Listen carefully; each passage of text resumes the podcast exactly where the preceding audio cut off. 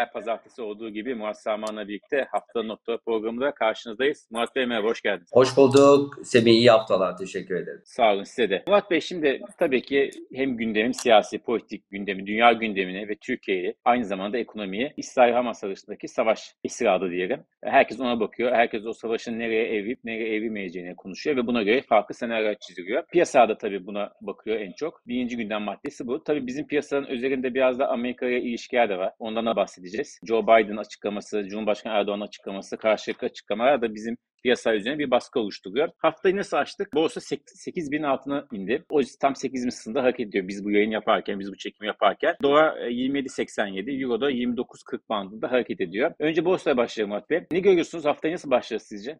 Şimdi şöyle tabii bu İsrail, Filistin, işte Gazze'de olanlar maalesef yani hepimizi de çok üzüyor onu da söyleyeyim. Yani orada bir aslında insanlık dramı da yaşanıyor. Onu da belirteyim başta. Yani umarız bir an önce çözülür. İnsanlık açısından bu savaşın sürmemesi çok önemli. Piyasalara gelince tabii ki şimdi biz tabii e, jeopolitik uzmanı falan değiliz ama okuyoruz, izliyoruz, anlamaya çalışıyoruz. Piyasalara ve ekonomiye etkisini yorumlamaya çalışıyoruz ki herkes bunu merak ediyor. Ya şunu görüyorum Semih. Yani burada iki türlü şey var. Senaryo var. Birincisi bu işin devam etmesi ya da üç senaryo var. Ya yani bu işin bu şekilde lokal devam etmesi. İkincisi bu işin daha da yayılması. Ya yani işin içinde işte İran, Mısır, Suriye gibi ülkelerin devreye girmesi ki bu en istenilen senaryo şu anda. Üçüncüsü de bir ateşkes ilan edilmesi ki biraz biliyorsun bu haberlerde gidip geldi bugün. Yani bir şimdi piyasa şöyle borsayı sorarsan ateşkes geliyor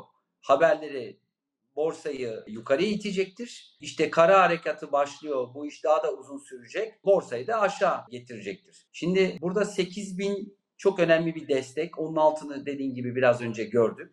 İşte şu sıralarda 8050 civarındayız. 8200-8250'de çok önemli bir direnç var. Şunu belirteyim. Bu hafta Cuma günü bilanço sezonu başlıyor. Yatırımcılar bunu yakından izlemeye başlayacak. Arçelik'te başlıyoruz. İyi bir bilanço sezonu bekleniyor bu arada. Şunu da söyleyeyim. Kur biliyorsun seçimden sonra devalüe oldu. Orada bazı şirketleri çok pozitif etkiledi ve bu etkileri bilançolarda göreceğiz. Eğer bu savaş şey olmasaydı çok daha olumlu bir borsa görme ihtimalimiz vardı. Onu da ekleyeyim. E, hala da var. Ama dediğim gibi savaş şu anda bir direnç olarak önümüze çıkıyor. Aşağısı da aşağı gelmesinin yani 8 bin aşağısında kalıcı gelmesinin engeli de açıklanacak olan pozitif bilançolar. Yani şu anda biraz daha izle gör gibi volatil bir piyasa olacak biliyorsun. Borsayı takip edenler Özellikle geçen hafta çok yüksek bir volatiliteyle karşılaştık borsada. Bu volatilite bir süre daha devam edecek diye düşünüyorum. Evet dediğiniz gibi savaş takip ediyor. Ama geçen haftaya baktığımızda aslında borsa perşembe günden itibaren bir hızlı bir düşüş yaşadı ilk gün üst üste. Burada da tabii ki Amerika-Türkiye ilişkilerine dair yapan açıklamalar geldi. Burada ne bekliyorsunuz? Yani tabii yani, siyaset uzmanı olarak değil de e, buradaki gerilim devam etmesi de borsa ve piyasa üzerinde negatif etki yapacak değil mi? Ya şöyle bir değiş var. Ben de bunu bir bu işlerin uzmanı benim katıldığım bir panelde söylemişti. Türkiye'deki istikrar ABD ile olan istikrar diye bir cümle kurmuştu birkaç sene önce. ABD bizim önemli bir aslında siyasi partnerimiz. Ve son günlerde şunu net görüyoruz ki izleyenler de bunu fark ediyordur ki açıkçası ilişkilerimiz pek iyi gitmiyor. Yani iki tarafta gelen açıklamalara bakarsa Sayın Cumhurbaşkanımızın açıklamaları önemli. Yani işlerin ilişkilerin çok iyi gitmediğini görüyoruz ve nasıl bir dönemde iyi gitmiyor? Bizim para aradığımız, giriş aradığımız, sermaye aradığımız bir dönemde işler iyi gitmemeye başladı. E bu da tabii ki hem ekonomiyi hem de piyasaları da e, mutlaka etkiliyor ve daha da kötüye giderse de maalesef etkilemeye devam edecek. Türkiye'nin dediğin gibi zaten bunu hepimiz görüyoruz. Sayın Şimşek önce ABD ile başladı. Orada biliyorsun konuşmalar yaptı. Daha sonra Londra, en sonda IMF Dünya Bankası Marrakeş'teki toplantılarında konuşmalar, konferanslar yaptı. Gelen bildirimler ve geri dönüşleri şunu söyleyeyim. Yani konferans katılanlarla da konuştum. Aslında çok olumlu bir hava var. Geri dönüşler iyi, ilgi çok yüksek. Fakat bu şu anda bir sermaye girişine sirayet etmedi. Hala evet olumlu gelişmeler var. İlgi devam ediyor ama bir sermaye girişi şu anda yok ve bence maalesef şunu söyleyeyim çok da geleceği görülmüyor. En azından Batı tarafından. Erken seçim bekleniyor orada. Orada iki konu var. İşte erken seçime kadar bir tekrar bir genişlemeye gidilebilir mi? İşte daha önce yaşananlar bir U dönüşü olur mu onu defalarca zaten seninle konuştuk. Seçim sonrasına dediğim gibi bu politikaların devamını görmek isteyeceklerdir. Yani aslında biraz daha vade görmek istiyorlar. Biraz daha bunun ne kadar süreceğini görmek istiyorlar. O zaman belki de dediğim gibi bir sermaye girişi olacaktır ama ABD olan ilişkilerde çok yakından izlenecek bir yerde sakinleşmesi gerektiğini düşünüyorum bizim Tabii, açımızdan da. Tabii yabancıların zamanı çok. Farklı alternatifleri de var para konusunda Tabii. giren hangi ülkeye gitsin. Ama bizim o kadar bir rahat değil açıkçası. Bizim için daha zaman kıymetli. Bir de, Ee, o de yüzden o kadar şöyle alternatifleri var diyorsun ama şöyle de var bak şunu da ekleyelim. Yani birkaç sene önce hiçbir getirileri yoktu. Yani faizler sıfırdı biliyorsun. Ama şu anda işte faizler %4-5'e geldi. Fonlama maliyeti yükseldi. Dediğin gibi alternatifler de yükseldi. Onun için çok olumlu bir dönem değil yurt dışı açısından. İşte resesyon beklentileri, faizlerin yükseldiği bir dönemdeyiz. Fed tekrardan bir faiz arttırabilir.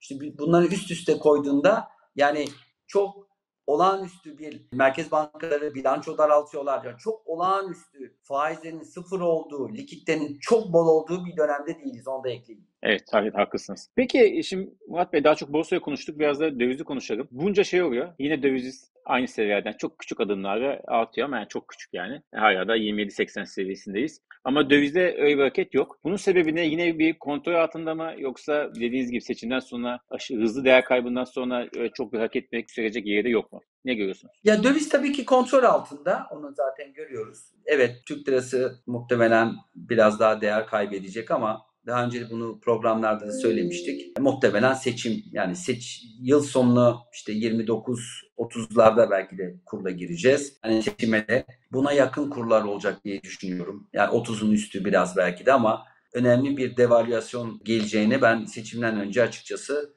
çok beklemiyorum. Tabii çok olağanüstü gelişmelerin yaşanması lazım. İşte Sayın Cumhurbaşkanı'nın bir U dönüşü, işte Sayın Şimşek, Sayın Gaye Erkan'la sorunlar. Yani böyle beklenmeyen gelişmelerin olması lazım. Yoksa Sayın Şimşek de bunu defalarca katıldığı her toplantıda vurguladı. Biz bunu sonuna kadar devam ettireceğiz diyor. Bu şu demekti. Gelecek dönemde faizler yükselmeye devam edecek ve biliyorsun bir vurgusu var Sayın Şimşek'in.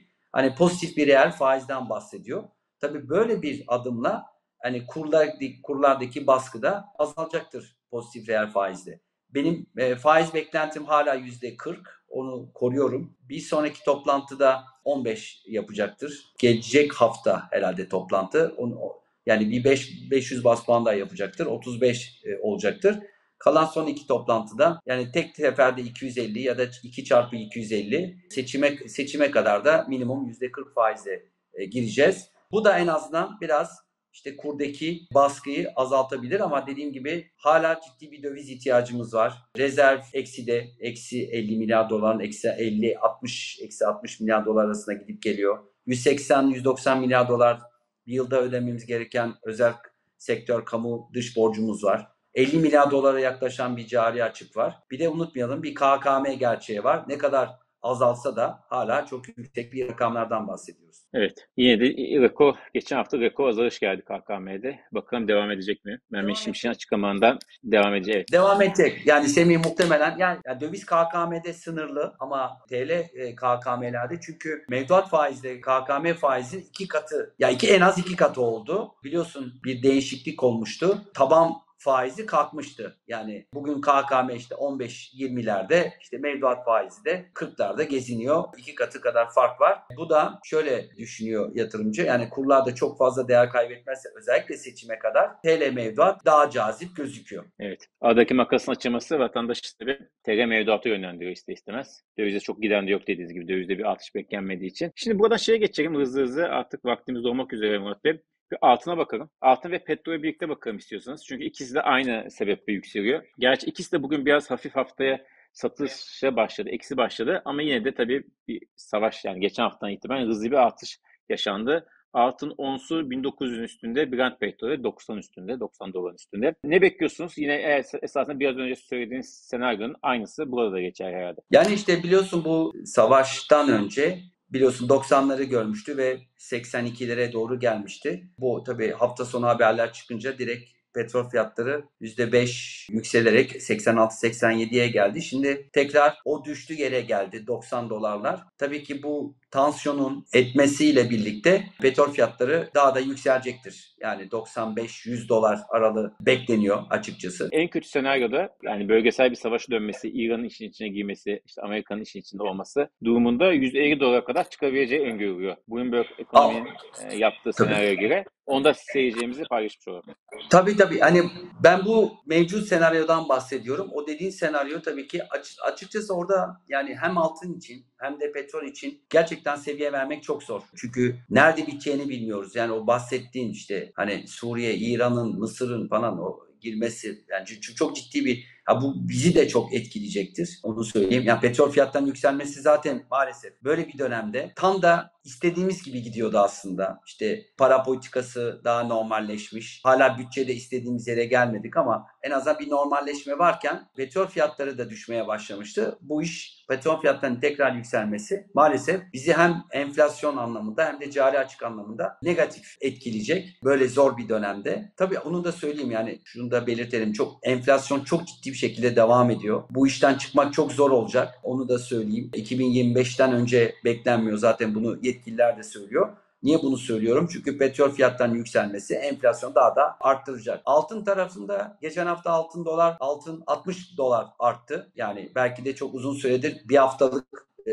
çok önemli bir artış gösterdi. Belirsizliğin devam ettiği sürece Semi muhtemelen tekrar 1950-2000 dolarlara gideceğimizi ben açıkçası düşünüyorum. Altın sonuçta böyle dönemlerde bir korunma aracı ve bir korunma aracı olmaya da devam edeceğini düşünüyorum. Teşekkür ederiz. Şimdi bu hafta başı açıklanan birkaç veriye hızlıca bakalım istiyorsanız Murat Bey. Bir konut açıklandı. Konut satışlarında iğme kaybı devam ediyor. O konutun çok güçlü olduğu dönem biraz geride kaldı. Eylül ayında bir önceki yılın aynı ayına göre %9.5 azaldı. İpotekli satışa biliyorsunuz zaten ipotekli konut kredisi almak çok zor. Limitler çok azaldı. İpotekli konut satışları bir önceki yılın aynı ayına göre %50 azaldı. Burada yabancı konut satışları %42 azaldı. Yani yabancı konutta çok ciddi bir azalma var. Ne diyorsunuz konut satışlarındaki iğme kaybına? Fiyattan öyle bir yere geldi ki artık onlar da çekildiler bence yani. Fiyattan Evet. mı diyorsunuz yabancının? E, Yani fiyatlar öyle bir yere geldi ki onun için belki de onlar biraz azalttılar bu alışları. Peki ne, e, ne diyorsun şimdi herhalde konut doğrusu seçim öncesi bir konut kampanyası geleceği de konuşuluyor her seçim olduğu gibi. Şayet öyle olmazsa herhalde konut piyasasının yavaşlaması devam edecek değil mi uzun bir süre? Bir şey söyleyeyim. Evet, her seçimden önce geliyor. Bu sefer ya buna benzer bir şeyler gelecek ama eskisi kadar olmayacak.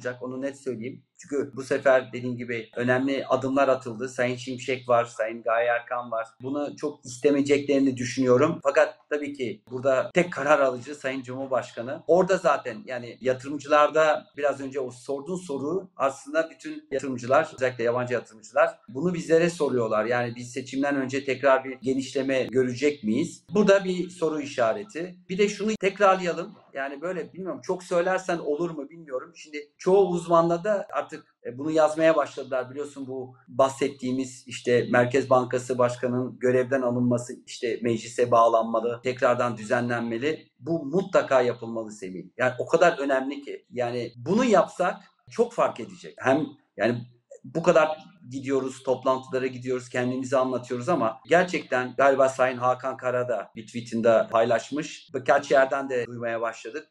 Çok uzun zamandır bunu söylüyoruz. Bu mutlaka yapılmalı. Semih. Yani Merkez Bankası'nın tamam Sayın Cumhurbaşkanı atayabilir ama Merkez Bankası'nın görevden alınması kesinlikle bir komisyona ya da bir meclise belirleyeceği bir komisyona kesinlikle bağlanmalı. Bu inanılmaz güveni artıracak. Çünkü dediğim gibi eğer yarın bir anlaşmazlık olursa tekrardan Sayın Ağbal işte Mart 2021'de yaşanan tekrar yaşanabilir mi? Hala soru işaretleri var. Şu anda öyle bir şey olduğu gözükmüyor ama dediğim gibi ihtimal dışı değil. Daha önce yaşadık bunu. Bir de bu sistemde sonuçta tek bir karar alıcı var. Ben bunun üstüne basa basa vurgulamak istiyorum. Tekrardan bilmiyorum ne kadar söylersek olur mu? Bilmiyorum sen olur mu böyle bir şey? Keşke olsa Ol- çok fark ettirecek. Olmayacak mı diyorsun? Evet. O, olmaz olmaz Murat Bey. Ya ata, atama, Türkiye'de- atama devam etsin. Atama deva- atama sistemi de yani Sayın Cumhurbaşkanı atasın herkes ama ya en azından bu görevden alma şeyi değişsin. Bu, bu gerçekten çok fark ettirecek. Evet, göreceğiz bakalım olacak mı? Gerçekleşecek mi? Peki buradan bütçeye geçelim. Bütçe açıklandı. İki ayın ardından e, tekrar açık verdi bütçe. 159 milyar lira Eylül ayında. Ağustos ve Temmuz'da fazla vermişti. Ne diyorsunuz bütçe açığına? Şunu söylüyorum, bütçe daha da açık verecek gelecek aylarda. Şimdiden haberini vereyim. Sebebini de söyleyeyim. Bir bütçe vardı biliyorsun yıllık. İşte galiba 1.2 trilyon. Bayağı bir yerimiz var. Yani şu anda tam hesap yapmadım ama hala bir yani 400-500 milyar gibi bir yerimiz var yıl sonuna kadar. Ben bunun kullanacağını düşünüyorum. Onun için özellikle seçime girerken bu bütçe açığının bu rakamların artacağını düşünüyorum. Her seçimde olduğu gibi bu seçimde de bunu göreceğiz. Son olarak Bloomberg HT Tüketici Güven Ön Endeksi açıklandı. Ekim'de azaldı. %5.20 azalarak 61.93 değerini aldı. Esasında seçim sonrasında zaten bu endeks hızla azalmıştı ama geçen ay bir artışa geçmişti. Bu ay yeniden düşüşe geçti. 65 32'den 61.93'e düştü. Ne diyorsunuz tüketici güven endeksine? Önemli bir gösterge maalesef yani çok da normal karşılıyorum çünkü dediğim gibi çok satın alma gücü ciddi bir şekilde azalıyor. Hala çok ciddi bir enflasyonla karşı karşıyayız. Bu biliyorsun anket usulüyle yapılıyor ve dediğim gibi gelecek beklentileri de çok parlak değil. Bu da tüketici anketlerine yansıyor. Yani bunun toparlanması bence gelecek sene ikinci yarısından itibaren diye düşünüyorum bu anket. Esasında enflasyonda bağlantılı tabii ki değil mi? Yüksek Tabii enflasyon. enflasyonla bağlantılı. Çok teşekkür ederiz Murat Bey. Çok sağ olun. Bu haftayı kapattık. E, Sizle kapattık. Yoksa haftayı yeni açıyoruz tabii ki. E, teşekkür ediyoruz. Çok çok teşekkür ederim diğer yayınlar için. Şimdiden başarılar tüm meslektaşlarıma. Herkese de iyi bir hafta diliyorum. Görüşmek üzere. Görüşmek üzere.